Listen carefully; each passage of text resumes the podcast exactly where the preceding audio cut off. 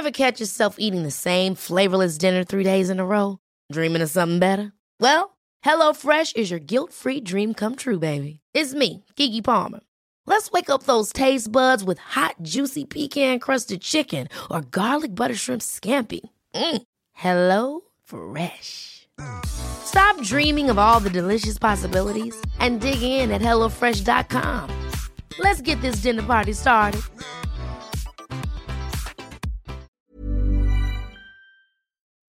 Alle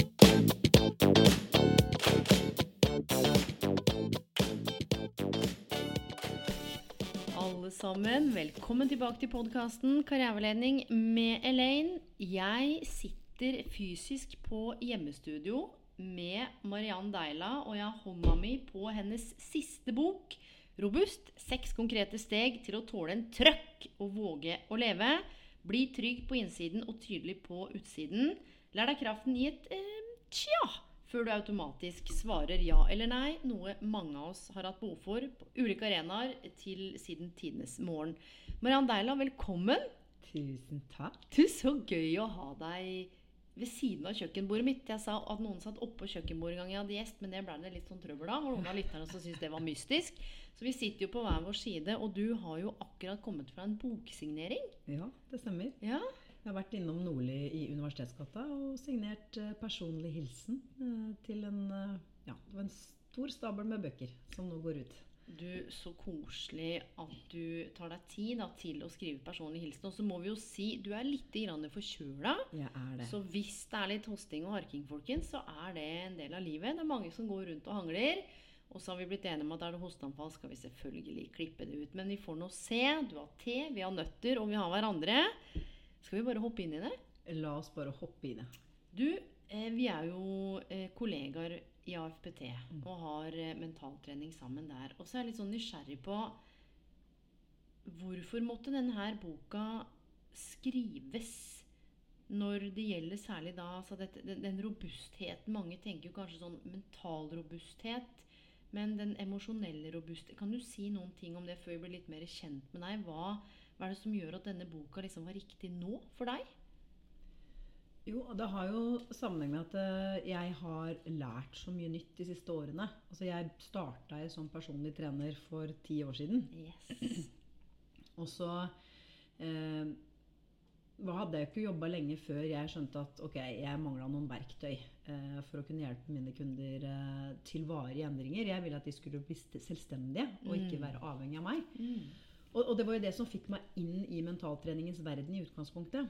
Og da jeg starta på den coachutdanninga, da, for jeg Ja. jobber jo da som profesjonell coach i dag, eh, det var jo i 2016, så var det så altså, mind-blowing. Og jeg tenkte Hallo, hvorfor er ikke dette pensum?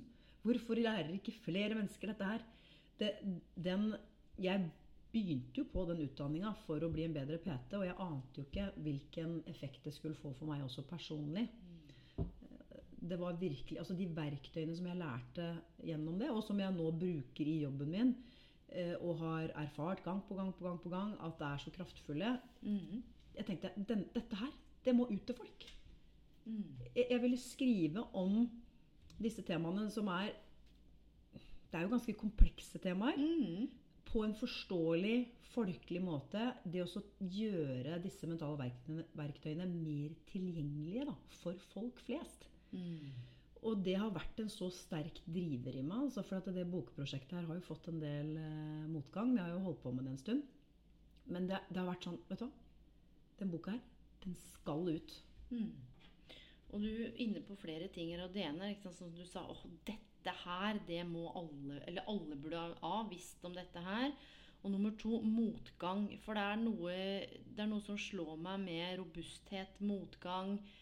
Kan ikke du si litt om da også typisk liksom, bakgrunn for boka? Har du kjent på motgang? Er det derfor jeg vet eh, noe i forhold til avslag når du sendte inn boka altså første gang? Men kan ikke du si litt om sånn enda mer bak det som handler om hvorfor den måtte skrives? da? Hva er det du har kjent på av motgang? da? Jo, det er jo øh, mye det, for så vidt. Det, det jeg kan si, det er jo at øh, den boka her øh, Den handler jo ikke om øh, øh, det at det å være robust det er ikke det å, å gå og være sånn happy go lucky hele tida. Å være happy og alltid føle seg trygg og glad og Det er mye snakk om lykken. Jage lyk, lykken. Ja, ja, selvfølgelig. Vi har jo alle lyst til å være lykkelige. Eh, Samtidig så er ikke livet sånn. Altså, livet byr på oppturer og nedturer. Så det handler jo om å tåle svingningene. For det jeg også ofte opplever i møte med mennesker da, som ønsker endring, det er at de har kanskje litt sånn forventning om at eh, de skal være trygge og glade hele tida. Altså er det noe gærent med meg fordi at jeg strever med disse tankene og disse følelsene? Og sånn, Nei, det er jo ikke det.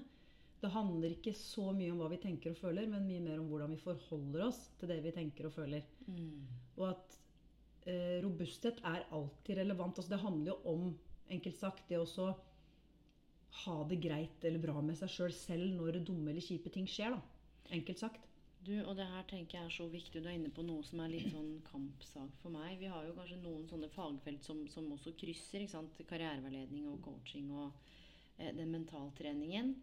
Og så er det jo noe med Mange forteller meg at de føler seg veldig aleine om ting. Hvis ikke du lykkes med karrieren din, din skyld.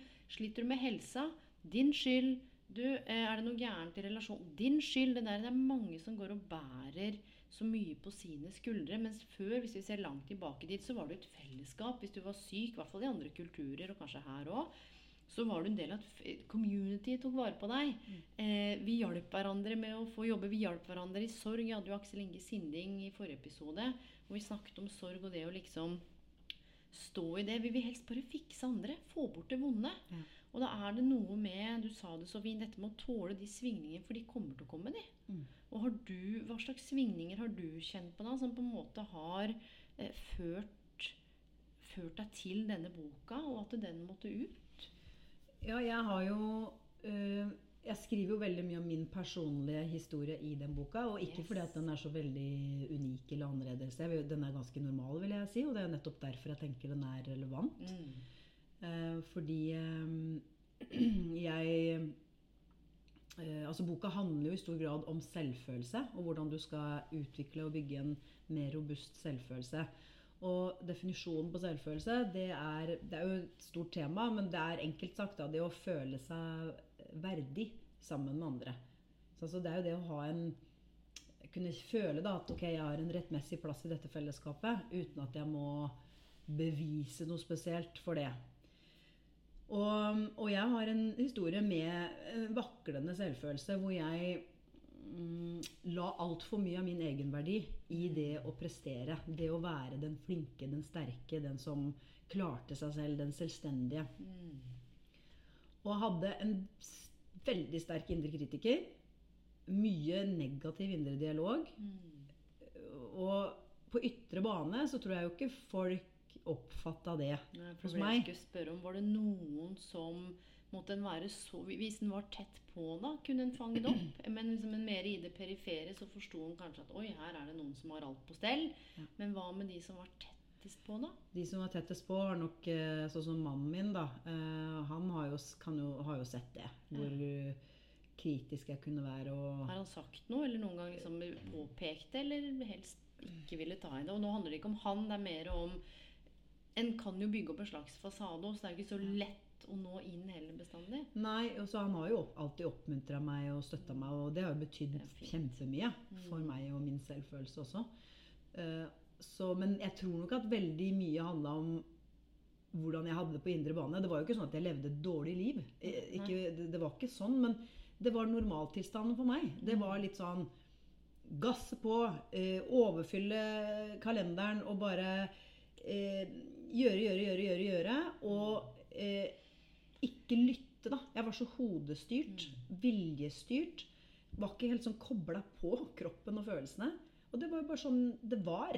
Det, for det hadde jeg jo lært tidlig, og det hadde ikke jeg begynte jo ikke egentlig å stille så mye spørsmål til det før jeg var jo ganske voksen. Og det var jo først når jeg begynte å lære om mentaltrening og, om coaching at jeg ble mer bevisst på hva det var jeg holdt på med. Mm. Men jeg var jo veldig sånn at jeg bare jaga etter nye mål. Jeg feira jo ikke egentlig at jeg nådde de måla. Jeg var jo ikke spesielt stolt heller. Nei, jeg skulle jo ikke det, Man skal jo ikke være Skulle stolt. mangle, eller... Nei, Nei, det, det var egentlig sånn Det skulle bare mangle Ja. at jeg nådde de måla jeg satte meg. Og så var det bare å haste videre. Mens hvis jeg gjorde feil Det var jo ikke lov å gjøre feil. I tillegg til at jeg hadde eh, sinnssykt høye forventninger til meg selv. Som så at jeg- kom fra deg. Som kom fra meg, og som jeg kanskje ubevisst trodde kom fra andre. Mm. Men det var jo jeg som la det store, største presset på meg. Mm. Uten at jeg egentlig var så bevisst på det. Men jeg hadde liksom liten tilgang på de gode følelsene. Ja, fordi du skriver i boka di her òg Jeg lengtet etter å føle meg rolig på innsiden samtidig som jeg ville være tydelig utad. Ja. Og her er det også noe for meg som på sett og vis eh, Hvis jeg skulle møtt deg da, ville ha trodd at du var tydelig på utsiden, eller at andre oppfatta deg som tydelig på utsiden. For ikke sant, mål og jag og prestasjon og du kjører på. Men var det, er det noe her som handler om grensesetting? Yes. Ja. Fordi jeg tror absolutt at mange har forbundet meg med å være en tydelig person. I kanskje at jeg er tydelig i måten jeg kommuniserer på. Mm. Men min utydelighet handla om det at det var veldig vanskelig for meg å si nei. Det kunne være alt fra det å dra på kafé med en venn eh, når jeg egentlig var sliten, Mm. til eh, et oppdrag på jobb, en ny kunde som jeg egentlig ikke hadde plass til. Også fordi at jeg hadde altfor mye å gjøre, men åh, det var så vanskelig å si nei. Eller eh, Så det er den ene sida av det. Den andre sida av den utydeligheten var at jeg ikke ba om hjelp eller støtte. Jeg skulle klare alt sjøl. Mm. Sånn at hvis jeg hadde det vanskelig, eller hvis jeg Altså, jeg skulle liksom ikke vært til bryderi. Jeg tenkte at jeg kan ikke bry noen andre med mitt. De andre har nok med seg. Hvor kommer det fra? Og det har jo med oppvekst å gjøre. Fordi selvfølelsen vår, da En definisjon er jo det der å føle seg verdig sammen med andre. Men det er også det der å kunne En god selvfølelse er også kjennetegna av å kunne gjenkjenne følelser i seg selv. Følelser, behov, grenser.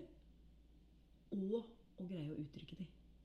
Så én ting er å kjenne er to, de. Ja, det er begge deler. Både det å kjenne de og å uttrykke de. Mm. Eh, og jeg har jo vokst opp i en tid eh, Jeg er født i 1979. En tid hvor det var veldig vanlig at barn ble selvstendig tidlig. Det var jo ikke sånn at eh, det var ikke det vanlige at foreldre sto og heia på sida av fotballtreninga og liksom kjørte overalt. Og det var litt annerledes den gangen. Jeg vokste opp på en gård i Porsgrunn med en far som var veldig mye bortreist på jobb, og en mor som eh, hadde sine egne problemer. Jeg visste jo ikke om det den gangen, men hun, hadde, hun var veldig ung, hadde sterk angst sjøl.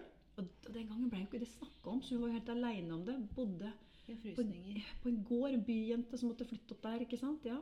I, med mørk, det var mørkt, og hun var redd, og hun måtte kjøre på glatta, og hun måtte skjøtte denne gården, og hadde to små barn. Hadde jo mer enn nok med seg sjøl. Eh, og jeg vil også bare understreke at jeg har hatt en fin barndom, og det er liksom ikke det, og jeg har din kjempegodt har jo ja, lest mamma har lest dere- boka, ja, ja, ja. Og, og, og jeg har et veldig nært og godt forhold til mine foreldre. Og jeg, poenget er at jeg tror på åpenhet. Yes. Og normalisere helt det, og det var akkurat det, fordi Yes. poenget er jo Det er litt sånn Å, fy fader, se hva foreldrene har, har gjort. Eller men tenkte alltid jeg har gitt òg. Og det, og det der tvega Jeg skal bare skyte inn noe, fordi foreldrene mine bor jo ett minutt unna her. Mm. Og har jo sett de titt og ofte. Men det er akkurat som om av og til så er vi låst i gamle roller og mønstre. Hvis ikke jeg, da, som Jeg skal ikke si at jeg er mer bevisst, men har jobba med andre ting. Blitt kjent med meg sjøl på en annen måte. Tatt tak i det jeg har kjent på det emosjonelle, som kanskje ikke har vært like lett å gjøre for den generasjonen som er litt i de her nå. Og det merker jeg at det er sånn slags generasjonsgap mellom bevissthet og utvikling i forhold til å forstå seg sjøl og plass i verden og det vi snakker om nå. Og så ta med den bevisstheten eller ønsket om åpenhet opp dit. Yes. Fordi jeg hadde eh, Og det er derfor jeg vil bare påpeke at mange Jeg lufta så vidt der for en stund tilbake, og det rant inn med tilbakemeldinger. Hvordan jeg kjapt blir litt sånn hun 13 år gamle Elaine hvis jeg ikke passer meg. Hvordan de tror at jeg er 13, men egentlig så er jeg snart 40 med et barn på 4. Altså, å komme seg ut av det, men en må jo gjenkjenne det først. Eller så ikke sant? Da har du kjent på det da når du har vært med de i voksen alder. Eh, Mm. Før boka kom, kom om. At du har Ok, dere har vært hjemme på middag, familiemiddag. Hvordan en går inn i de rollene. Ja, ja. Absolutt. Det er helt vilt. Hva er det du har kjent på da? Kanskje før du hadde språk for det, da? Sånn som mm. når du liksom, Ja, altså det er jo, det er jo litt det, det, det som har vært et mønster jeg har hatt, er jo det overansvaret. Overansvar, det vil si at jeg føler et ansvar for eh, andres tanker og følelser. ikke sant? At eh, jeg må Å, nå her må jeg gå på tå hev, eller jeg må passe på. At, at, og det var jo noe av det jeg lærte i oppveksten, som også er en av mine styrker. Og sånn er det. Det er derfor jeg tvega sverd. Du Yes. får, får meg også styrker. Men jeg blir jo veldig vant til å lodde stemningen hjemme. Fordi mamma var litt opp og ned i humør. For hun hadde jo sitt og hadde ganske liksom, temperament. Og det var litt sånn det kom ut da, hos henne, at det var sinne. Så, eh, så, jeg, så jeg blei jo var og tilpassa meg, da. Og det er jo også noe jeg kan være litt var Jeg kan være litt var nå. ikke sant? At det er litt sånn at jeg eh, Ja. Og samtidig så er jeg ikke Det er forskjell, for at jeg, jeg er jo ikke et offer i det lenger, kanskje, sånn som jeg var mer før, når jeg- før jeg var klar over. Da kunne jeg kanskje bli mer sånn irritert, Ja. eller, mens, mens nå så er jeg kanskje mer at jeg tar ansvar for det som skjer. At liksom, Nå legger jeg merke til at jeg kanskje tar litt, tar litt mye ansvar, men, eh, men jeg tilpasser meg også med vilje. Mm. Fordi at eh, Yes, for det er viktig. Dette er ja. viktig når en da, og dette har jeg snakka om før. Og én ting er litt sånn willingly compromise. Ok, nå går jeg på kompromiss. Jeg tenker at det kan være greit. Litt av det og litt av dette. Men det er når det blir self-betrayal eller selvbedrag, når det blir å gå på akkord over tid. Mm. Det er jo der den slitenheten Og det er noe interessant, jeg skal bare koble på det og det vi snakker om nå. Eh, for noe av det du stiller spørsmål om i boka, da. Eh, vil du bli et tydeligere og tryggere menneske? Og det er jo så interessant, fordi hva som er trygghet for deg og for meg, og hva som er tydelig for deg og for meg, kan jo variere. Mm. Men den generelle følelsen eh, som jeg har en opplevelse at mange har nå, de kjenner seg utrygge. Eh, se hva som foregår i verden. Eh, press og stress, som vi snakka med karriere, med helse. Du skal se sånn ut. Det der å kunne skape en grunnleggende trygghet i seg sjøl, og den linken det har til selvfølelse, Ja. hvordan det faktisk utløses allerede når vi er små, da. Og med denne boka her, det er noe som faktisk kan trenes på å gjøres noe med. Dette er for meg er jo sånn håp og fremtidstro. Ja. Det er jo litt av det denne boka representerer. Det er mulig å eh, sette i gang et slags arbeid, da. Og det er aldri for seint. Og det er det jo heller ikke da for f.eks. min mor, for hun har, hun har utvikla seg masse siste Yes. ja. Men hvordan da? Gjennom at du har snakket om? Ja, jeg jeg tror at absolutt både gjennom våre samtaler, men også at hun er veldig eh, Hun er utviklingssøkende, og det var bare at den gangen så Hun gikk jo til legen, men fikk beskjed om å skjerpe seg. mm, mm. Det, det var ikke Det var så tabubelagt den gangen. Er så nå har jo hun funnet sine teknikker. Hun bruker trening, og hun, hun er jo Har jo um, har vært uføre fra hun var 50, for hun har masse problemer med kroppen og fibromyalgi. Og, mm. men, hun, men hun er, er jo eh, Har jo også jobba med det der å akseptere at sånn er helse, helsa mi nå. Sånn er, I dag jeg en dårlig dag. Blitt mye flinkere til å møte seg selv med raushet framfor å presse seg. da. Mm. Og det er et viktig poeng du sier der, Elaine, at ja, vi kan gjøre noe med det. Vi kan påvirke, i og med at, og særlig i en sånn utrygg verden, da, eller, så er det jo enda viktigere å kunne ta tak i det vi kan ta tak i, og det er jo hvordan vi eh, tenker, hvordan vi, hvilke holdninger vi, vi har til oss selv og til andre. Og det er jo det boka handler om, og, som, og det handler om min historie. Med en oppvekst hvor jeg kanskje ikke helt ikke bare kanskje, Jeg lærte ikke å lytte til følelsene mine. Fordi det var en tid hvor vi ikke snakka noe særlig om følelser. Og det var med da foreldre som var opptatt med sitt, så ble jeg ofte- overlatt til meg sjøl til å finne ut av det. Og så blei jeg selvstendig veldig tidlig. Og litt sånn vant til å ikke kjenne etter. For det, det var jo litt sånn Skjerp deg, ta deg sammen. Det nytter ikke å skrike.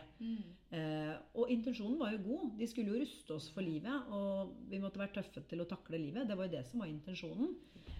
Mens eh, utfallet egentlig blir motsatt. da, fordi at det som er problematisk med det Nå vet vi jo så mye mer om det med utviklingspsykologien og hvor viktig det er å Yes. eh, bekrefte barns følelser. Mm. At da hver gang vi trøster et barn, hver gang vi er der for et barn, hver gang vi heier på et barn, og vi støtter de, og vi jubler, og vi er der med de når de lærer noe, så lærer de at å, mine følelser, behov, Mm. mine gleder, mine grenser, de er gyldige. Mm.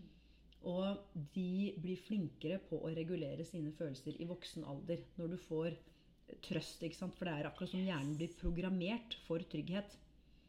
For du har fått det gjentatte ganger, og som barn forventer du på et tidspunkt at ja, men jeg forventer å bli møtt av andre. For jeg har hatt så mange erfaringer med det. Men hvis ikke du har mange erfaringer med det, eh, så slutter du å oppsøke det. Du, Det blir sånn, Da må jeg klare meg på sjøl. Yes. Og så skrur jeg litt av. Jeg minimerer, jeg legger demper på behovene mine. Og det her er jo, ikke sant Jeg har jo en sønn på fire, og du har jo barn, du òg. Og her om dagen sa den Altså, vi snakker tidenes tantrum. Eh, og det han ville ikke pusse tenna. Og takk og lov for at jeg jobber med det jeg gjør. Fordi jeg skjønte det handler jo ikke om å, dette med å pusse tenna. Det handler om at det er noe som må ut. Og det å være rolig eh, og være trygg og vise at jeg tåler dine følelser, jeg er ikke redd for deg, så er det jo noe med at han også lærer å tåle sine egne følelser. For det jeg ofte har sett rundt meg, eh, det er jo åh, ikke sant, Slutt, skjerp deg, ta deg sammen. Gå, gå, gå grin aleine. Er lik eh, Jeg blir overvelda av følelsene dine. Jeg tåler deg ikke. Gå bort. Og det, vet du hva, det, men det koster, det må jeg si som mor, og det koster så sjukt. For inni meg så er det sånn Å, nå skal vi pusse de tenna, så skal du legge deg, så skjerp deg. Og så er det sånn, ok, pust. Jeg har et sunt og fri Barnet mitt er ok, jeg er ok. Jobben min er å liksom være trygg.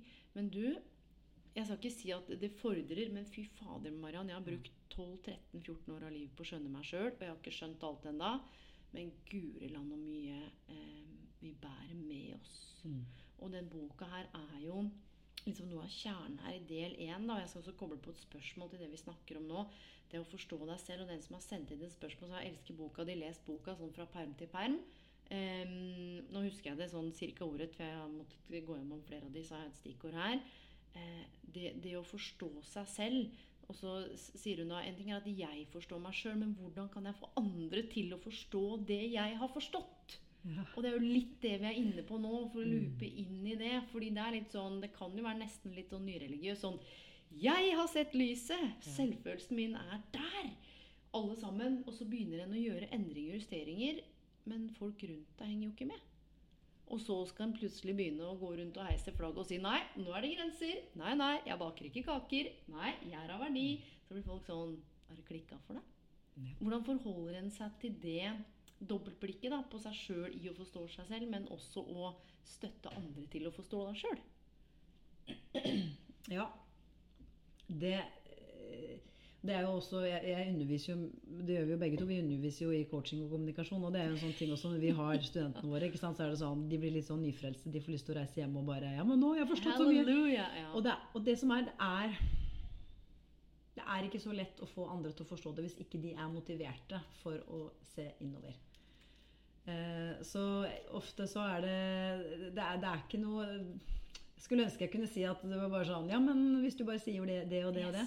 Men veldig mange er ikke opptatt av de temaene. Nei, Eller de er ikke og spesielt kanskje det er rart. ja, og så er de ikke nødvendigvis motiverte Verken klare eller kanskje ikke motiverte for å se innover. Eller har ikke noe ønske om å forstå seg sjøl så veldig mye bedre. Og da hjelper det ikke så mye hva vi andre gjør. Nei, det Så, det. men det vi kan gjøre, er jo å være lyttende, Yes. støttende, stille åpne spørsmål. Mm. Være og, og, og også huske på at det, vi sitter heller ikke på svarene rundt hva som er best for den andre. Yes. Um, jeg, jeg har en, jeg har- en venninne som snakka om uh, sin kjæreste, da, som sa, sa noe sånn som at ja, men jeg føler liksom at han legger altfor mye av verdien sin i prestasjonene sine. Jeg syns han gjør det. Mm. Så sier jeg, ja, men syns han det? Mm. spurte jeg da. Nei, jeg tror ikke han Nei, jeg tror ikke det. Jeg ser han på det som et problem? Mm. Nei, jeg tror ikke det. Nei, er det et problem, da? Nei, altså, det, det, er, det, er ikke, det er bare deg sjøl. Du må sjekke inn med deg sjøl. Yes. Og du må, er, er det noe med mitt liv eh, som ikke fungerer? Mm. Eh, og så kan vi ha mange meninger om andres liv, men det er ikke Da vil jeg heller oppfordre til å være åpen og nysgjerrig Yes. og støttende. Og, ja. Det tror jeg er sjukt viktig også når vi da er i endring, og det er rart for de rundt oss at vi endrer oss. Ikke sant? Og så tenker jeg Og dette kan jo være Jeg skal ikke si et rødt flagg, men i en relasjon, da. Hvor noen da ikke sant, er kanskje på en av disse utdanningene, eller mentalskolen hvor du også er, eller er i møte med, og så eh, ser en ting, eller det åpner seg nye rom i både hjerte og hode, som gjør at du får nye perspektiver, og så skal du hjem til noen som ikke helt henger med, da. Mm. Og kanskje det å gjøre det til en sånn slags personlig reise, og så har jeg tro på, du var inne på det, men ved at jeg og du tar grep og tar ansvar for oss, Mm. indirekte så kan vi påvirke de rundt oss. Vi blir ikke like reaktive, eller vi klarer å puste før vi hogger skil, eller vi tenker at faen, kanskje ikke det er jeg som er gæren. Eh, og det er akkurat de tingene her, fordi du sier også i del to, da Gjør selvfølelsen din mer robust, så er det jo disse seks steg til robust selvfølelse. Kan ikke du si litt om dette med Nå var vi innom ikke sant, dette med overprestere, eller ta overansvar, prestere, sette mål.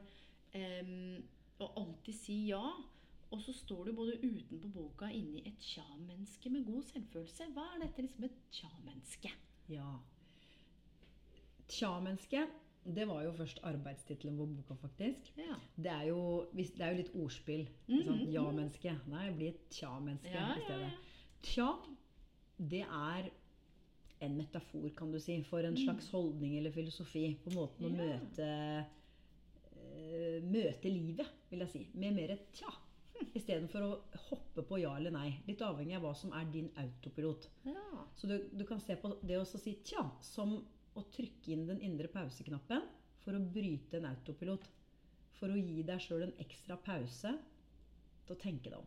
Si litt av den autopiloten bare til de lytterne. Ja, så autopiloten, det kan være å ta overansvar, f.eks. Som gjør at eh, Å, du føler så mye ansvar for alt og alle rundt deg. Og det er igjen en ressurs i det. Du er, da er du sikkert omsorgsfull, og du er positiv, og du bryr deg om andre. Og så overdriver du kanskje den om, omtenksomheten og den positiviteten. Og så sier du for mye ja. Ja. Så mye ja at du, at du går på akkord med deg sjøl. Og kan dette kobles til tankefeller? Yes. Det er, og da overansvar er en tankefelle. Ja. Eh, Eller tankelesning er en tankefelle. At du tror at ja, men hvis jeg sier nei, så kommer den andre til å bli sint på meg. Mm. Den andre kommer til å bli lei seg, den andre kommer til å bli skuffa, og da er det min skyld. Du, og det er dette her, hvordan selvfølelse, tankefeller, autopiloten, Mm. eh, atferd, ord Altså Yes, det henger sammen, så da er det vanemessig, og, ofte, og da er det mye ubevisst. I, disse tankefellene er jo ikke nødvendigvis bevisste, og det er jo det hele del én av boka handler om. Å bli bevisste, ubevisste. Det er jo ikke sånn at jeg heller gikk rundt og tenkte sånn Jeg er ikke verdifull, jeg. Nei. Jeg gikk jo ikke rundt og tenkte det som en sånn em, eksplisitt tanke. Det var mer et sånt implisitt premiss som jeg så verden gjennom. Briller som jeg så verden gjennom, som jeg forsto verden. Tenk deg det, ja. Ja. Det er liksom de grønne brillene som var på da. Eh, og? Og, og, hvem? Og, som vi har snakket om, sånn, hvem, har satt det, hvordan har de kommet dit? Men den veit ikke at den går rundt med grønne briller. Nei, du vet ikke det. Du bare ser verden sånn, det blir, og det virker så sant. Så hvis autopiloten din er å si for mye ja, og det er jo en sånn, et symptom du kan merke da, hvis du er overarbeida. Du er overarbeida, føler at du hele tida må og burde, og det er veldig mye sånn eh, dårlig samvittighet, så er jo det tjaet det er sånn, Istedenfor å si instinktivt ja, Mm. si tja. Det kan være til ytre forespørsler, Mm. men det er også til de indre tinga. Det kan være den kritiske tanken. Ja, nå kommer han til å bli skuffa hvis du sier liksom, tja. Det er liksom, med åpenhet, undring. Være mer nysgjerrig på hva som skjer inni deg. Mm. Dette er viktig for mange av de som lytter. Eh, jobber mye. altså Noen er jo også utenfor jobb. Vi skal snakke litt om det etterpå. Noen studerer jo det presset der med mm. karakter... Men det er mange utbrenthet, Ja. urestituert, sliten, stress, press. Og jeg har akkurat sluppet en artikkel, jeg skal bare koble det på det her, em, som handler om eh, Derfor så går du på jobb når du veit du burde blitt hjemme. Fordi det er nettopp disse tingene med Det er sånn slags identitetsbrudd, særlig for mange kvinner. Jeg skal bare spørre deg om det og koble på det her. Den sterke Mariann da, som kjørte på i gamle dager, det å være hjemme og være syk Mm. Litt sånn svakhetstegn og litt Ja. sånn identitetsbrudd, fordi den er jo til stede å stå på. Kan ikke sluntre unna. Ikke sant? og det er, det er litt med det òg. Det, det er jo sånne tankefeller, og det er så viktig å presisere. Det er leveregler, nesten. ikke sant? Jeg hadde jo, jeg, mine leveregler var sånn Middelmådighet er Altså ikke lov. Altså, det er noe, Ja. det er, noe Ja. dritt.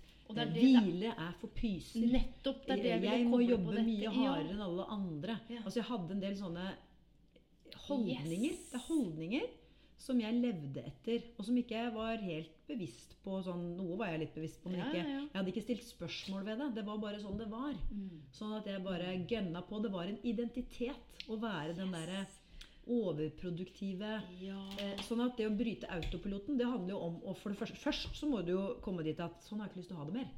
Nei. Det er jo ikke i utgangspunktet et problem at du overarbeider og gjør masse hvis ikke du sjøl ser det på som et problem. Du må sjøl se på det som et problem. At jeg har ikke lyst til å ha det sånn. Men er det ikke litt skummelt da når jeg oppdager sånn Å, fy fader, jeg jobber sjukt mye. Fordi det jeg egentlig oppdager at bak der, så er det fordi jeg er nummer, for jeg har det ikke så bra hjemme, så jeg går heller på jobb, for da kan jeg flykte inn i jobben. Jeg bare fortsetter å jobbe, jeg. Fordi det er litt sånn jeg tror når vi stopper opp da og blir tjare Mm, Og det er sånn When you first know, you cannot unknow. nettopp. Da har du gjenkjent noe, blitt bevisst noe.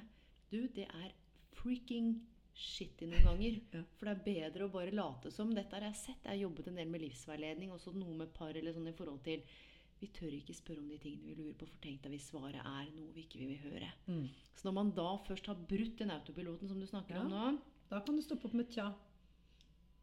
Mm.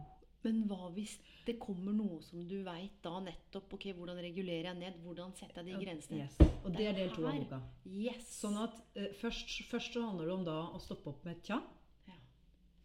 og så begynne å øve på å velge noe annet. mm. Og det blir jo, for min del så var det jo sånn Jeg har ikke lyst til å ha sånne holdninger til meg selv. Jeg var jo kjempefæl mot meg sjøl. Var du sliten? Det er et stort ord. Men sånn, var du liksom Nei. Ja, altså sliten Jeg fikk ikke bruke det ordet. Jeg hadde vondt overalt. Jeg vil heller si det. Ja. Jeg hadde forferdelig mye smerter. I skuldre, nakke, rygg, sete. Det bare var sånn systemisk. Det bare flytta seg rundt. Det, det er ikke en ting jeg ikke har prøvd alene. Jeg var desperat etter løsninger, og jeg leita utafor meg sjøl. Jeg var Ja, ja. på Altså det var alt fra psykomotorisk fysioterapi, kiropraktikk, eh, koppingmassasje, blomstermedisin, refleksologi, healing. Dette visste jeg ikke om deg. Jeg, var på, jeg husker jeg var på yoga. Jeg husker jeg var på yogatime eh, på Majorstua, husker jeg. Jeg, jeg, jeg, var så Fra stiv. Porsgrunn til Majorstua. Nei, da bodde jeg i Oslo Ja, okay, den ja, ja. Og, um, så dette her er litt tidligere. Ja, ja, Det var i 20-åra. Da Ja, det var det var da- det verste. Og da, og da jeg sleit jo sånn med pusten. ikke sant? Jeg hadde så problemer med pusten. Jeg klarte ikke å puste ned i magen. Jeg pusta bare oppe. her oppe. Du, det Og satt på dette her. Jeg skulle, for jeg skulle jo fikse det. det for det brøt jo fullstendig med min identitet. At jeg ikke skulle klare å liksom gå på jobb og fungere som normalt. Jeg var jo rasende på kroppen min. Tror du det hjalp, eller? Mm. Og satt på yogatime, da. Jeg husker det så godt. Det var sånn indisk mantramusikk. Og, bare, og jeg skulle liksom sitte der i sånn lotus-stilling. Og det var så vondt og så slitsomt. Jeg klarte ikke å sitte med rett rygg. Og han der instruktøren han bare Jeg har aldri sett et så stivt menneske før. Jeg måtte sitte inntil en vegg, og fortsatt da så svetta jeg bare oppover. Her, du, dette her visste jeg ikke. Jeg var, helt, altså jeg var som en sånn forknytt uh, ball. Du, det her tror jeg mange kjenner seg igjen i. Apropos hvor en blir sint på kroppen, skjønner ikke hva det er, tenker at det er ens egen skyld, men forstår ikke helt og tester ut alt mulig jo, jeg skulle der ute. Altså, Så jeg ville jo ikke være et sånt menneske som ikke funka. For det, da ble jo det Det var ikke meg. Og, og da eh, Så jeg var ikke da egentlig sliten. Jeg var mer forknytt, kan du vel si. Det er jo ikke noe spesielt ålreit følelse å gå rundt i hverdagen og være forknytt. Nei, altså, det- Alt er jo stramt og intenst og Ja. kjeven og Og jo mer forbanna jeg blei, jo mer forknytt ble jeg jo. Det er jo noe sånn syklisk i det. Altså, Ja, ja. det Jeg bidro til å skape problemet som jeg ønska meg bort fra. Det er veldig vanlig. Si det en gang til. Jeg bidro til å skape problemet, eller forverre problemet, som jeg ville bort fra.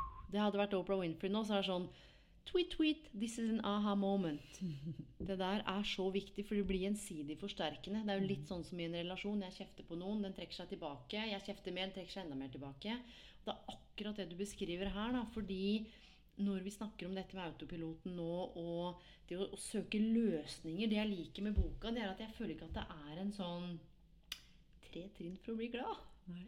Den her, sant, Forordet med historien din og definisjonen din av en robust selvfølelse med disse bærebjelkene Kan du ikke si litt om, eh, altså om de inn i dette med Mm. dette med autopiloten og disse tankefellene? Hvordan, hvordan henger det sammen, de bærebjelkene, inn der? Yes.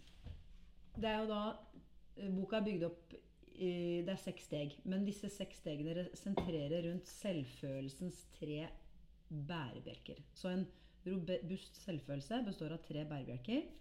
Der bærebjelke én er uh, selvaksept. Mm. Aksept slash selvaksept. Sånn at i det så ligger det mye, da. Det er jo to steg der. Men, men for eksempel da, i min situasjon, så da handla det om å akseptere nå-situasjonen. Det, det var jo litt sånn Istedenfor å drive og kjempe imot den, sånn som jeg gjorde. Jeg var rasende. Når du legger raseri på toppen av indre uro, da blir du mer urolig. Mm. Derimot, hvis du legger Hvordan skal man akseptere det, da? Nei, det er, jo, det er jo det som er mental trening, da. Da må du vite hvordan, ikke sant? Og det er jo det boka hjelper leseren til. Og det her er kjernen. Bare si det når vi er liksom på sånn Mm. Hvis du skal se på magmaen inni i boka, altså det som flyter gjennom boka, det er jo dette her. Det her er hvordan. Ja. Det er sjukt mye du kan lese i YouTube, men dette her er veldig konkret og veldig hvordan. Og den selvaksepten, og det er jo ikke bare et ord du har kasta ut. Mm. Det er faktisk eh, Det er et psykologisk begrep. Ja. Aksept, det er I psykologien så er jo ikke aksept det er ikke det samme som å like. Det er et veldig viktig poeng. Ja, Det er ikke det samme som å gi opp. nettopp. Det er ikke det samme som å resignere, omfavne, tilgi. Det er ikke det der. Det er mer Et annet ord for aksept er å tåle.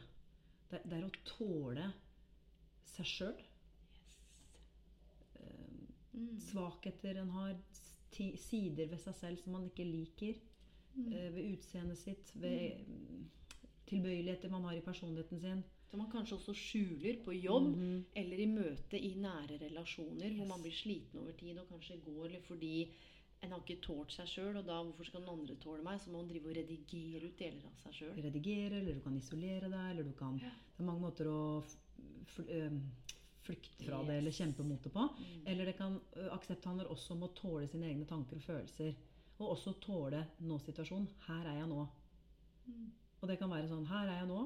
Eh, her jeg strever med altså ok, nå forstår jeg, Hvis du har forstått at nå har jeg kanskje noen brister i min selvfølelse Det er noen At jeg har oppdaga noen holdninger som jeg har til meg sjøl som ikke jeg ønsker å ha. Mm. Eh, jeg har en indre dialog som ikke støtter meg. Altså det går jo på det der å lære seg å leve med seg selv mens du endrer deg. Mm. Fordi at det, det her er et utrolig viktig poeng. fordi at når du skal omprogrammere noe, altså du skal endre noe Du kan jo ikke egentlig kontrollere tankene og følelsene dine. Altså Hvis du har tenkt på en måte i 30 år, Mm. så er det ikke sånn, så slutter du å tenke sånn. Og da, på den veien, når du tar et aktivt valg om å tenke og handle, og sånn sett også føle eller forholde deg til følelser Mm. på en ny måte, så handler det om også at du må tåle en del av det gamle. For eksempel da, når jeg da skal et, øh,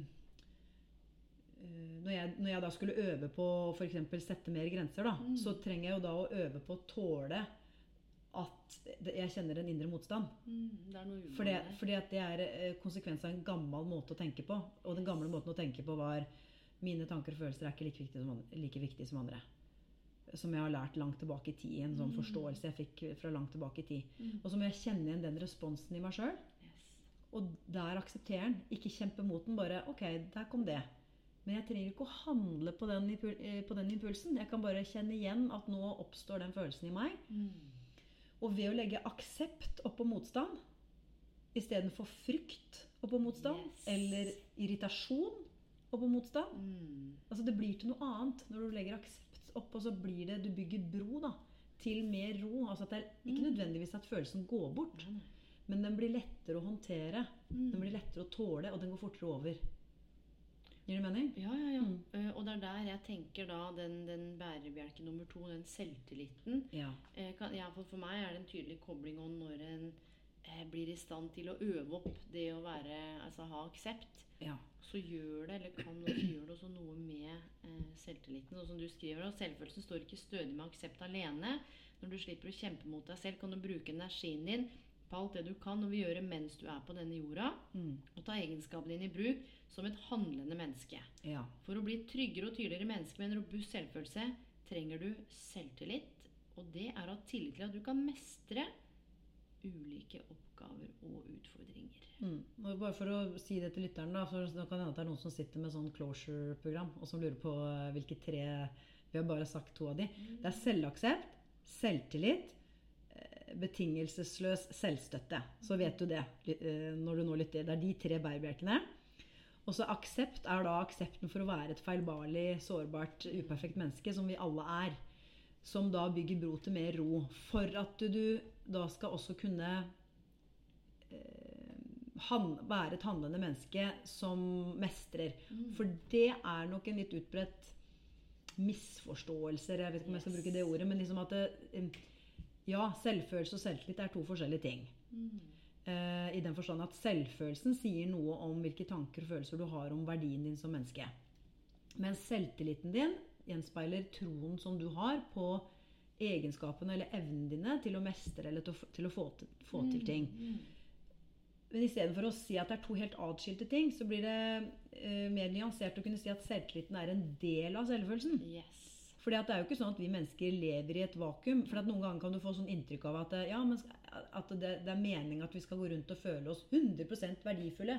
Uansett. Helt sånn Ja. Helt blenda for noe av det vi gjør. Men det er jo ikke sånn Når vi bidrar med verdi som mestrende mennesker i denne verden, så avler jo det også en følelse av verdi. Når vi kan være noe for andre. Men det handler jo ikke nødvendigvis om å vinne OL prestere på topp. Det kan være det der å bare anerkjenne seg sjøl som en god forelder. Eller det du bidrar med til en god venn. Det går jo på det å kunne se at jøss, jeg er et menneske som faktisk kan få til ting her i livet. Og det er derfor mestringsarenaer er så utrolig viktig for mennesker også som står i motgang. Hvis du har kronisk sykdom f.eks., kanskje faller ut av arbeidslivet. Yes, det var det. At du finner noen nye mestringsarenaer. Mm. Når du kanskje mister hele identiteten din som Mm. den arbeidstakeren du har vært. Og, så, og da er det Selvtillit er en viktig bærebjelke, da. Du, og det her er så viktig, og jeg har jo jobbet med sant, Apropos jobbsøk og utenforskap og arbeidsinkludering, integreringsfeltet i 13-14 år. Og ser på en måte noen av de krisene jeg har fått. Eller sånn, eh, nå heter det ikke kandidater, det høres ut som bruker. Lav selvtillit. Det er bare sånn det, Dette er langt tilbake, men åssen er det vi snakker om folk? Lav selvtillit. Ingen se du, Det er bare sånne ord som man har kasta rundt Ja. eh, uten å helt ta Og det er det jeg liker med denne boka her, for det er så oppklarende. Så er den aksepten, Mm. selvtilliten Ja, og selvstøtte. yes. Fordi at et, selvtilliten Det som er ofte problemet, det som var mitt problem, da, det var jo at min følelse av egenverdi hvilte ene og alene på selvtilliten min. For jeg hadde veldig lav aksept for å gjøre feil. Jeg hadde lav aksept for Jeg var veldig slem mot meg sjøl. Kritiserte meg sjøl og, og fokuserte veldig på alt jeg var misfornøyd med. Ikke sant? Sånn at Men jeg visste jo at jeg kunne få til mye. Det var ikke det, men jeg var ganske fastlåst da, i tankesettet mitt. på mange Mm. måter. Men, men, jeg, men jeg, jeg så jo på meg sjøl som et mestrende menneske. Men poenget Ja. var at den var, den var ubalansert, for den hvilte for mye på, på min egen mestringsevne. Og da blir det litt gærent. ikke sant? Du trenger da de Mm. to andre. Du trenger aksepten for at ja, iblant så går jeg på trynet. mm. Eh, jeg liker det ikke, men, men det tåler jeg. Mm. Og, det, og så tenke annerledes om det gjør feil, selvfølgelig. At det Mm. lærer jeg, og det er jo mange måter å jobbe med det på. Og så eh, bygge selvtillit. Det er jo også i stor grad noe du kan jobbe med, fordi at veldig mange klarer ikke å se sine egne styrker. De bare fokuserer på det de ikke kan. Det er et spørsmål som har kommet inn. Ja. Det er et spørsmål som har kommet inn til deg. Mm. eh, jeg sliter med å se Da du har lest halvveis gjennom boka, så var ikke ferdig. For jeg spurte mm. når du lest boka, eller er det bare generelt fordi de kjenner Ja. Eh, men sa det at det liksom har ikke kommet ordentlig inn i boka, men bare har alltid slitt med å se egne styrker. Ja. Hjelp. Og heldigvis så er det trenbart. Ja, det. Og, det er og, da kan, og da for den lytteren som har spurt om det, kan spørre, så kan jeg spørre den lytteren Har du lært noe nytt i livet ditt noen gang? Ikke sant? Og jeg vil tippe at den personen da sier ja. Ja. Og det kan være kanskje noen har begynt å løpe for første gang. Mm. Kommet i form. Eller eh, trent, trent noe annet. Eller Mm. lært seg å strikke, f.eks. Mm. Du kan trene på og fokusere på styrkene dine. Men det holder jo ikke bare å lese boka. Du må øve på det. Yes. Og i boka så er det oppgaver for det. Eh, Det er da en, eksempelvis en oppgave som går på at du hver kveld skal skrive ned tre ting eller flere ting fra dagen som har gått, som er mestringsopplevelser, konkrete mestringsopplevelser. Som du tror på. Det, det holder ikke å bare stå i speilet og si 'Å, du er så rå', og 'du er så flink'. Altså, det, er bare, det kan faktisk bli verre Ja, du, det her for uh, selvfølelsen. Yes, fordi det her var også noe som er kobla til et spørsmål. Som, det, er en, ja, det er en amerikansk forfatter, men det er sånn Se deg selv i speilet. Si hvor pen du er. Og så har hun skrevet sånn eh, liksom Robust my ass. Altså ikke til boken, men sånn Jeg syns ikke jeg er noe pen. Og så Mm. Nei. står jeg og ljuger til meg sjøl i speilet. Jeg føler meg helt jævlig etterpå. Og det er jo litt av det poenget. Altså. Nettopp. Og da kan det heller kanskje være å jobbe med aksepten for de delene av sitt eget utseende som man ikke er fornøyd med. Mm. Og så flytte fokuset på hva er jeg faktisk fornøyd med. For det er sannsynligvis noe. Ja, ja. Eh, Men det er mer nyansert. ikke sant? Sånn at det er jo noe med også når du skal øve på å se styrkene dine, så er det et poeng at du tror på det. Og det kan være sånne ting som eh, I dag klarte jeg å holde roen når jeg snakka med dattera mi. Det forteller meg at jeg er en tålmodig person. Mm. Eller eh, i dag fullførte jeg treningsøkta selv om jeg egentlig ikke hadde lyst. Det forteller at jeg har en gjennomføringsevne. Mm. Og det trenger ikke å være så verbalt engang. Det kan bare være liksom, jeg er stolt av meg sjøl for at jeg gjorde det. Mm. Og det er i seg selv en øvelse. Og når du gjør det gjentatte ganger igjen og igjen og igjen, og igjen Mm. så blir det over tid lettere å se styrkene sine. Mm. Og det her er veldig fint i forhold til den siste bjelken. Um, Ja. Den tenker jeg er viktig. Ubetinga selvstøtte. Ja, fordi Evra, du skal si noen ting om den, og si noen ting om dette med følelser kobla på. For Vi snakket jo om sånn mentaltrening innledningsvis, og det å bli robust. Tenke gjerne tankene, kognisjon, omprogrammere huet. Men følelsene spiller en rolle her òg. Mm. Som er liksom er sånn imperativt, som er underliggende i alt vi har snakka om. Mm. Så kan du si litt om, om den tredje bjelken der, og så kan vi bare eh, lage en liten kobling til dette med følelser òg, fordi det her Mm. henger jo så sammen. Aksept og selvstøtte henger jo veldig sammen. Ikke sant? Fordi at det, for å kunne, altså Selvstøtte handler jo om å møte seg selv med raushet, omsorg, medfølelse. Og ordet 'betingelsesløs' er veldig viktig. Det er uten innskrenkninger. Så det å øve opp eh, at her, liksom, det å møte seg selv med raushet faktisk akkurat når du strever, for det er da du trenger det mest, og, men for å komme dit, så er det noe med at da ligger aksepten litt i bånn. Aksepten er jo også litt sånn det oppmerksomme nærværet. ikke sant? At nå legger jeg merke til at nå føler jeg frustrasjon Mm. over at jeg ikke fikk til noe, f.eks. Mm. Eller at jeg eksploderte til barna mine. Mm. eh, Eller gjorde et eller annet jeg angrer på. Mm. Åh, sånn er det nå. Mm. Så tåler jeg det. Og så bygger det bro da til å det der å snakke til seg selv Mm. på en måte som du ville gjort til en god venn. da. Det er litt klisjé å si det, men det er så enkelt. jo, det er veldig det- forståelig for folk. Ja. Fordi det er allerede noe du kan. Mm. Det å vise omsorg og Yes. medfølelse er en del av tilknytningssystemet vårt. Men det kan føles litt unaturlig å vende antennene mot seg selv. Mm. Men det er, det er også en treningssak. Så det å så øve på å gi den helt uten innskrenkninger Du trenger ikke å fortjene Du trenger ikke å gjøre deg fortjent til den omsorgen. Og det er jo akkurat som hvis du tenker Vi kan tenke på barna våre, da, Elaine. Mm. Det, det er jo ikke sånn at vi alltid liker alt det de gjør. Eller at det kan til og med være egenskaper de har som kan være litt irriterende. Men vi elsker det jo like høyt likevel. Vi aksepterer det jo, vi tåler det. Mm. Vi gjør det med andre. Mm. Og hvis barnet mitt slår seg, og, jeg, og, det, og det strekker ut en hånd til meg og kommer Eller, eller kanskje si dattera mi er veldig selvkritisk da, og sier Mm. noe sånn veldig så Ja, men jenta mi, kom her. Mm. Og så, så trøster jeg. Mm. Og det å snakke til seg selv på den måten eh, det, går, det går an å øve opp. Mm. Og det gir jo håp og fremtidstro, fordi akkurat det der med å snakke til seg selv, da, men det er altså de tre bærebjelkene, hvordan det også påvirker eh, følelsene våre. Fordi hadde jo eh, Aksel Inge Sinding på vet du, forrige uke, og vi snakka om dette med tanker og følelser. Hvordan ofte så har jo eh, Hvordan vi skal være så rasjonelle. ikke sant? Og Mm. hold hodet kaldt. Så jo det på en del sånn kvinnelige politikere, og de er så sure. ikke sant? Blir så fort sure. Men det derre samspillet mellom Bare hvordan den indre dialogen påvirker hvordan du føler deg, hvordan du snakker til deg sjøl, eller kanskje hvordan en følelse her påvirker tankene. Hvordan dette her henger så tett sammen. Fordi det var noe av det jeg var opptatt av her. Fordi vi snakker om mentaltrening, men det er jo ikke det at følelsen ikke er en del av deg. Nei, nei, det går, ikke an å, det- går nesten ikke an å Og jeg er ikke sånn så opptatt av hva kommer først og hva kommer altså, det er det, er ikke det, handler, det, handler, mer om eh, hva du tenker om Eller hvordan du forholder deg til følelsene dine. Yes. Så der kan du si at tanken også har en betydning. Fordi at måten du eh, for, for der har vi også ganske mye Vi kan påvirke følelsene våre i, den, i måten vi tenker om de, og forholder oss Istedenfor å dømme de. Eller tenke at dette her er jo ikke lov altså dette her vil jeg ikke føle på. Eller, fordi det kan jo være en del følelser som er ubehagelige, og de er vonde. Og så har vi kanskje Du? lært at ikke vi har lov til å føle dem. Vi har ikke lov til å vise dem. de. Det. det er det her, Mariann. Og du står her. Ubehag betyr at du bryr deg, står det i boka di på Ja, side Så du kan 228. eh, lage en ny betydning. Ja. Sånn som eh, Bare ved hvilken merkelapp vi setter på følelsen vår, så kan hele følelsen endre seg. La meg gi et eksempel. Mm.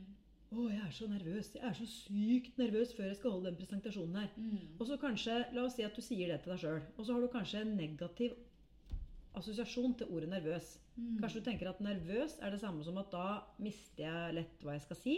Yes. Og, og da blir jeg dårligere. Og så tenker jeg kanskje det. Nå er jeg så nervøs.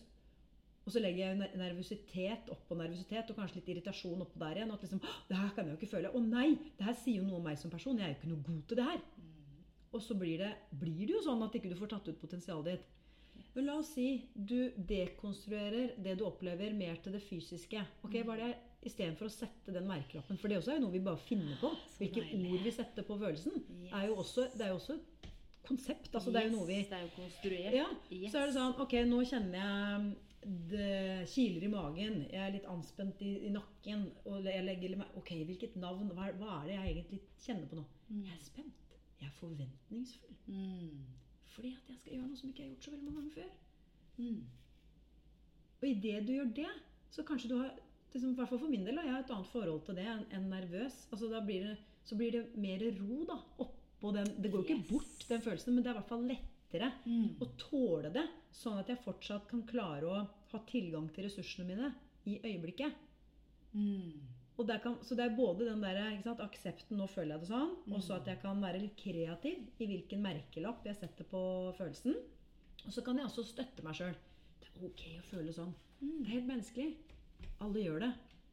Selv, selv toppidrettsutøvere er nervøse eller, eller, eller kan kjenne på spenthet. Men de, og så kan du tenke Oi, det her betyr at jeg blir skjerpa. Det betyr at eh, jeg blir enda bedre. Mm. Og idet du tenker det, så blir det oppbyggende. Det her, eh, Mariann, vi burde jo hatt seks timer sånn breakdown. Ja, men Det tenkte jeg egentlig på som breakdown kapittel eh, for kapittel. Fordi det er så mye spennende i den boka her. Og bare det eh, lille, store eh, vi har vært gjennom nå, eh, tenker jeg jo kunne jo liksom bryte opp og vært eh, Ja. Jeg har masse eh, merkelapper, og det er masse jeg skulle spurt om. Men det kan jo nok være at du skal komme tilbake. Ja, men det kan jeg jo. Fordi- og, ja. det, det kan jeg jo. Så bare sånn for å runde av litt da med de tre bærebjelkene. For jeg Yes. tenker bare si det, fordi Hvis du forestiller deg at du målet er å tåle en trøkk og våge å leve Jepp. Og det kan være å selvfølgelig si nei til ting, men det kan også være å si ja til ting. Yes. Og kanskje du har en autopilot hvor du sier nei til ting. 'Nei, jeg kan ikke det, for jeg er ikke god nok.' Tør Nei, jeg, jeg tør ikke. Jeg er så redd for å feile. yes. Det kanskje du egentlig skal melde deg på det kurset, eller du skal dra på den treninga som du har lyst til å dra på, eller du skal bytte jobb, eller hva det måtte Mm. være. Poenget er, idet du kan ha med deg både den selvforståelsen, at du skjønner liksom hva det er som trigger deg, du har tatt et aktivt valg Mm. om noe nytt som du skal øve på, og så har du med deg den aksepten for at Ok, her er jeg nå. Nå tenker jeg føler som jeg gjør. Det kan være eh, Og jeg har en aksept for at iblant gjør jeg feil. Den er med. Og så har jeg en tro på evnene mine. Jeg fokuserer på hva jeg kan få til. Hva som er innenfor min kontroll. Eh, det tar jeg ansvar for, og det jobber jeg med. Og, jeg har, og det å ha et såkalt vekstorientert tankesett. Altså det vil si at eh, jeg er et menneske i læring. Jeg trenger ikke å liksom, naile alt på første forsøk. Det er helt normalt å ikke være god på en ting første gang du gjør det. Og du har med deg det mindsettet der. Liksom, men du har troen på at du har evner til å lære og til å utvikle deg. Og sånn sett har en mestringstro. Så du har med deg det i livet. Og i tillegg da ha med deg selvstøtten. De gangene du går på en blemme, eller det skjer noe som er kjipt, eller du, men du har en evne til å møte deg selv med omsorg. Den kombinasjonen der, den gjør deg mer robust Mm. til å tåle det som måtte komme. Og akkurat som, eh, som har vært en sånn slags rød tråd, som vi starta med at livet består av svingninger. Mm. Du, det består av barn som har det bra og ikke. Det består av samlivsbrudd, det består av tap eller død eller sorg. Det betyr, består av at jeg er utenfor arbeidslivet, jeg fikk ikke den jobben, kom ikke inn på den utdannelsen, jeg ser ikke ut som jeg vil. Altså, alle de tingene vi går og bærer på. Um, og jeg tenker jeg har lyst til å bare avrunde sånn med Du fikk jo egentlig avslag, du. Ja. På både tittelen og boka. Mm. Og allike, hvorfor ga du deg ikke? Fordi det er så bra, det her. vet du. Det er stoffet. Stoffet er bra. Det er derfor jeg ikke ga meg. Jeg tenkte det her Du Må ut til folket. sa. Ja. Ja, ja, det var Vet du hva? Jeg kan ikke Og jeg tror meg, Elaine. Jeg har mange ganger tenkt Mariann, det fins enklere måter å gjøre det på enn å skrive en bok. Du kan lage et nettkurs. Mm. kan, det, det, men, men jeg liker jo bokformatet. For, jeg, for det, det er Å gå skikkelig i dybden på noe, det er jeg veldig glad i. Mm. Og det skrevne ord er Ja, jeg, jeg, jeg har ikke klart å legge det fra meg. Det er som en sånn Du bare kjente det. Ja. Det Ja. har ikke gitt slipp på deg. Yes, for det har ikke vært spesielt fornuftig sånn økonomisk, tidsmessig. Altså Nei, for det har vært en lang prosess. Ja, over er år. Tre år. Over tre år. Og det, det første, første gang jeg pitcha akkurat den ideen da, Mm. til et eh, stort norsk forlag, så skrev hun i det som Ingen kommer til å kjøpe en bok som heter 'Robust', var meldinga. Vi skal sørge for at alle kjøper en bok Ja. som heter Robust. Tenker det er meldinga. Så jeg fikk jo virkelig testa min egen robusthet i det Mm. prosjektet her, med det å akseptere alt den frustrasjonen, eh, anerkjenne det, Mm. og liksom ikke Ok, det er som det er. Samtidig ha troen på meg selv, stole på meg selv, stole Yes. på at dette her kan jeg komme gjennom, samtidig som jeg støtta meg sjøl. Eh, de bærebjelkene var helt avgjørende for at jeg skulle klare å komme i mål med den boka her. Mm. Hva er det du har lært? Tre år er ganske lang tid. Eller kommer an på hvordan en ser det. Noen syns det er kort, noen syns det er lenge. Det vet jo vi, som i forhold til hva vi har med oss av det mentale, hvordan vi ser på ting. Hva er det du har lært mest om eller av de siste tre åra, da? Ja. I denne si det er to ting. Det ene er eh, det å stole på meg sjøl. For jeg har gått en del omveier. Og jeg har jo ikke jobba konstant i tre år. Jeg har jobba i periodevis. Mm. Men det å så jeg, jeg, jeg tenker åh, jeg skulle, ha, jeg skulle ha stolt på meg sjøl fra begynnelsen, men det er jo læringen. Ikke sant? Ikke ta én én tilbakemelding for god fisk. For jeg, jeg la veldig mye vekt på det det første avslaget. Hvordan følte du deg når du fikk det avslaget? Jeg følte meg udugelig. Ja, og jeg følte meg som en idiot. For at den var Uff, den du, det er ganske sterke ord. Ja, men jeg gjorde det. For jeg var Er det hvordan det ble skrevet på, Yes. eller hvordan du tok ja. det? Eller ja, da. Og det skal sies at eh, jeg har fått andre avslag òg, men de var veldig mer, mye mer hyggelige. så det var Ja, skrevet Så det var litt akkurat sånn det avslaget her var litt Det var ikke så veldig hyggelig, hvis jeg skal være helt ærlig. ja, det, Så, så det var sånn eh, Jeg ba om en tilbakemelding på det første avslaget for at jeg skulle lære av det. Ja. Hva kan jeg gjøre bedre for å liksom, For det var jo en prosjektskisse, da. på en Ja. idé. Og det var sånn, Jeg har ikke noe særlig flere kommentarer utover det at eh, eh, robust er et ord som rommer veldig mye for forskjellige, og det, det er bare å slå opp i en synonymordbok. Altså, det var liksom så, så jeg tenkte OK. Jeg lurer på Det- om vedkommende leser den leser den her Du, det hadde vært så stas, Ja, det. det hadde vært litt stas. Men det, den, jeg er jo glad for at jeg har jo lært veldig mye av det. Og den det er personen sånn kan jo ha hatt en dårlig dag. Hvem, Ja, hva vet jeg? Men det er litt sånn i etterpåklokskapen, så Yes, ser en jo, men der og da så er det jo helt krise. Der og da så var det sånn, for jeg var, følte meg veldig sårbar. Og jeg hadde jobba masse med den ideen her. Sånn at da følte jeg meg veldig dum. Jeg gjorde det. Mm. Men jeg ga jo ikke opp. Jeg fikk jo, så det er det ene som jeg har lært. Det andre som jeg har lært, viktigheten av å koble på andre tidligere. For jeg satt Ja. for lenge aleine med det bokprosjektet her. Ja. Så når jeg fant den rette redaktøren og, til å hjelpe meg med Som trodde på deg? Som virkelig trodde på meg, så da skjedde ting fort. Ja, ok, så du, For da kjente du at her var det en kobling, og her Ja, er noen og bare jeg fikk en som liksom var Altså hun var så Yes, dette skal vi gjøre. Flott. Da var det bare Og da gikk det radig. Mm. Eh, og jeg vil si at hele den boka her har vært Altså det har vært så gøy, for vi har jo hatt testlesere. Jeg har jo gitt ut to bøker før, og vi hadde ikke det da. Ja, for jeg hadde lyst til å komme bare inn på det. For du, sant, som du sa, du er, du er jo journalist i bånn, blant Yes, annet. Du, du er jo journalist. Du har jo hatt andre jobber før Ja. du begynte eh, som personlig tre jobbe med trening. Og nå vet du du trener ulike grupper. Og, men det er jo mer bort fra den treningsbiten og mer over i det mentale nå. Ja. Men kan ikke du bare kort nevne de to bøkene? For det er jo elementer Ja, av det, jo i de. Jeg er journalist i bånn, og så er jeg statsviter også. Yes. Og så bytta jeg jobb når jeg var godt over 30. Uh, og så De to første bøkene var Det er Prosjekt Erk og Tren der du er. Som Yes. handler mer om fysisk livsstilsendring. da. Det er mye av det mentale der også, men, men mer overfladisk. Mindre uttalt, ja. Eh, så um, eh, yes. Så det, også, det har vært et teamarbeid i stor grad, da, den boka her. Både det der å ha, koble på flere. God redaktør, testlesere. Fikk Mm. masse tilbakemeldinger som forbedra produktet. Eh, kjempegod designer, språkvaskere. Eh, fikk hjelp eh, med å få den tittelen til å sitte. Altså, Så de også rett og slett bruker folk rundt seg, og det skulle jeg, jeg skulle ha kobla på folk før. Mm. Ikke sitte og gnagd på det aleine. Men det er jo en fin læring i forhold til som du sa, dette med å ikke be om hjelp. da. Og så komme dit. Så det er litt sånn full circle. Og jeg tenker Vi har jo snakket sammen en time nå, og det er jo en del eh, spørsmål, Mariann. Det tenker jeg det kan vi spare, så skal vi ta en runde til. For det kommer fortsatt inn spørsmål. Ja. Eh, mens vi har snakka nå, så jeg kan jo ta det ene, og så skal du få lov til å dra. For jeg vet at du skal faktisk videre og bli bokbada i dag. Det skal jeg. På Mentalskolen, for der eh, underviser du også. Yes, det Så der, du gjør jo flere ting. Du driver for deg selv. Mm. Eh, du er jo, vi er jo sammen i FPT. Du har Mentalskolen, hvor du er leid inn eller Jeg underviser. underviser i coaching. Vi utdanner jo profesjonelle coacher i mentalskolen. Ja, Ja, så det er et toårig ja. forløp.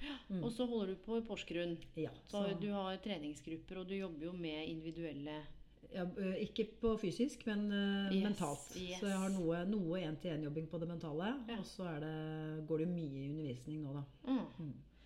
Du, det er et spørsmål. Det er litt kompleks, det så Men kan du ta det står her 'jobber som lærer'. Ganske utfordrende å ha sjuende trinn. Um, noen raske tips. Jeg har ikke lest boken din enda, men liksom følger deg. Noen raske tips, Mariann, til hvordan skape en robust klasse. Ja. Sånn umiddelbart så tenker jeg jo viktigheten av forventningsavklaring. Rammesetting. Eh, tenker jeg da. Det går jo på kommunikasjon, rammesetting, forventningsavklaring. Det der også skape en god klassekultur. Eh, og da tror jeg veldig på den coachende tilnærmingen. Å få barn er kloke. Det å få de med seg litt sånn hva, hva slags klasse skal vi være? Hvilke verdier, da, så må vi forklare hva det er for barna. Hva er det som skal være viktig Mm. måten vi er mot hverandre på? Og fylle de ordene med innhold. Eh, og få barna med på det. Det tror jeg kan være et godt sted å starte. At det er litt sånn teamarbeid. Eh, noen, noen klasseregler, eller- regler, eller For at det var, spørsmålet var jo klassen. ikke sant? Få en robust klasse. En, en, Ja. Ikke liksom ett individ, Ikke bare ett individ. klassen Ja. som verktøy, da, Så det jeg. kan jo Mm. være sånn eh, Om det er det å være inkluderende, ja, hva betyr det? Ja, nei, da spør vi om eh, vi Ser vi at det er en person som sitter aleine, så går vi bort og spør om de vil være med å leke. ikke sant? Det kan være sånne ting. Mm. Eller at vi rydder opp etter oss. Eller at vi eh, Men er de rammene eller Rammene, ja. forventningene? Forventningene og rammene for hvem vi skal være. Jeg tror veldig på det. Altså, eh, For jeg tror at når vi har tydelige rammer, så skaper det også en trygghet. Yes. For det handler jo om å skape psykologisk trygghet også for å få et godt læringsmiljø. ikke sant? Mm. Men, ja. Og det er det som slo meg litt om med altså, logiske nivåer, som vi begge kjenner også som, Mm. som en modell innenfor coaching. Og du sa det litt sånn Hvem vi vil være? altså Kanskje identiteten til klassen. Er det et bilde på det? Er det en, Ja.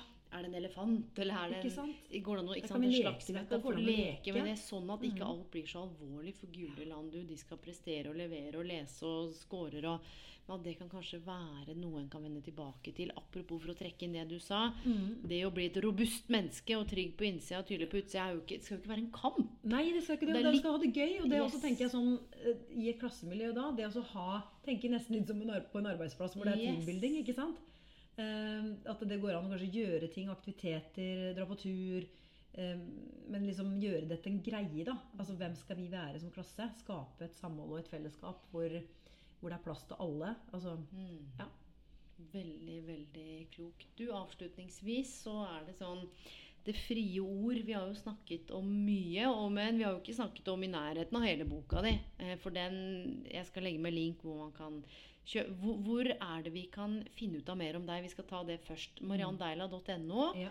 noen andre steder? Ja, så er jeg jo på sosiale medier, også på Insta og Facebook og Ja. LinkedIn og forskjellig. Der er det bare Mariann Della. Ja. Marianne Della. Ja. Så der finner vi deg. Også og- boka kan kjøpes uh, overalt, egentlig. Ja. Ja. F.eks. på nordli.no. Flott, og jeg skal linke til den, som jeg sa. Avslutningsvis, sånn siste ett eller to minuttene, hva er det du har på hjertet? tenker sånn, Nå sitter det sjukt mange lyttere.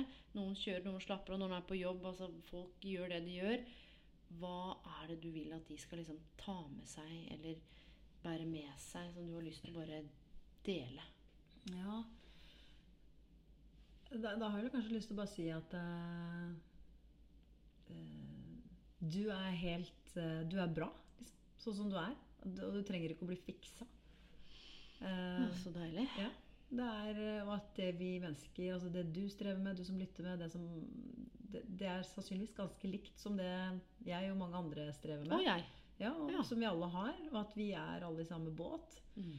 Uh, og at det å jobbe med selvutvikling, da, det handler ikke om å liksom bli en annen.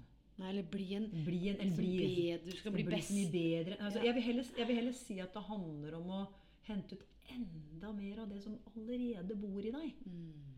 Eh, Og at eh, jeg er mer opptatt av eh, at mennesker skal ha det bra, enn at de skal gjøre det så bra. Og så henger jo de to, to tingene ofte litt sammen. At det er lettere å hente ut Altså gjøre det bra når du har det bra. Men uten tvil i den rekkefølgen. Mm. Når vi er så heldige og bor i det landet her som vi bor i, hvor vi har så mye materiell trygghet, da, eller i hvert fall de fleste, da, Mm. så er det noe med det der å Og at et viktig steg dit Jeg er jo veldig opptatt av den selvaksepten. Fordi at det, det er en sånn utrolig Jeg har sett det så mange, utrolig mange ganger i, mennes, i mennesker jeg har møtt, også hos meg selv også. Og det har kanskje vært liksom den viktigste. Det der å bare liksom, Tja. Litt den der tja-holdninga. Ja ja, så tenkte jeg det, da.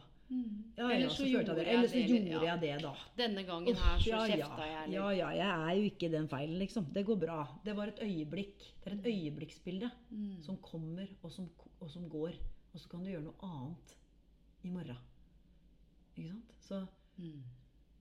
det er ikke så farlig. Det går fint. Og der tror jeg du sa det. Det er rom for å gjøre noe annet i morgen eller etterpå. Du trenger Mm. ikke kjefte på nytt. Nei. Eller være så streng mot deg sjøl på nytt. Mm. Da går det an å, nettopp som vi har snakka om nå, eh, lese boka di. Gjøre øvelsene. Altså det er konkrete øvelser. fordi skal en trene på knebøy, så må du jo fysisk trene. Skal Jeg har lydfiler. Jeg si. Ja, Eh, noen, noen av øvelsene i boka er veldig mentale. Altså det er Mm. visualiseringsøvelser. Mm. eh, som ikke er så lette å lese seg til. Og de har jeg spilt inn på lydfil, som er en QR-kode i boka. Så det kan du høre på i bilen, Så f.eks. stas! Mariann Deila, takk for at du tok turen hit til podkaststudio i kjøkkenet mitt. Te, valnøtter og utrolig mye klokskap. Jeg sparer på en del av spørsmålene, ja, og så får vi til, enten digitalt eller fysisk, en runde til. Kan jo la det gå litt tid, for jeg så det, ja, det er derfor jeg så på telefonen nå, både jeg vet Du får spare de. Men at det, det kommer inn spørsmål as we speak. Yes. Så tusen takk, Mariann. Vel videre til mentalskolen hvor du skal bokbades. Takk. Takk Og så- du selvfølgelig. Og vi ses jo, for vi skal jo utvikle mentaltrenerutdannelsen Ja. videre i AFPT. Så takk for nå, kjære lytter, hvor enn du er i verden. Følg Mariann. Kjøp boka på gjenhør, og takk for at akkurat du lytter. Og som Mariann sa Du, bare vær deg, du. Verden trenger deg. Eh, ingen annen utgave av deg enn bare akkurat. Ever catch yourself eating the same flavorless dinner three days in a row? Dreaming of something better? Well, HelloFresh is your guilt free dream come true, baby. It's me, Gigi Palmer. Let's wake up those taste buds with hot, juicy pecan crusted chicken or garlic butter shrimp scampi. Mm. Hello Fresh. Stop dreaming of all the delicious possibilities and dig in at HelloFresh.com. Let's get this dinner party started.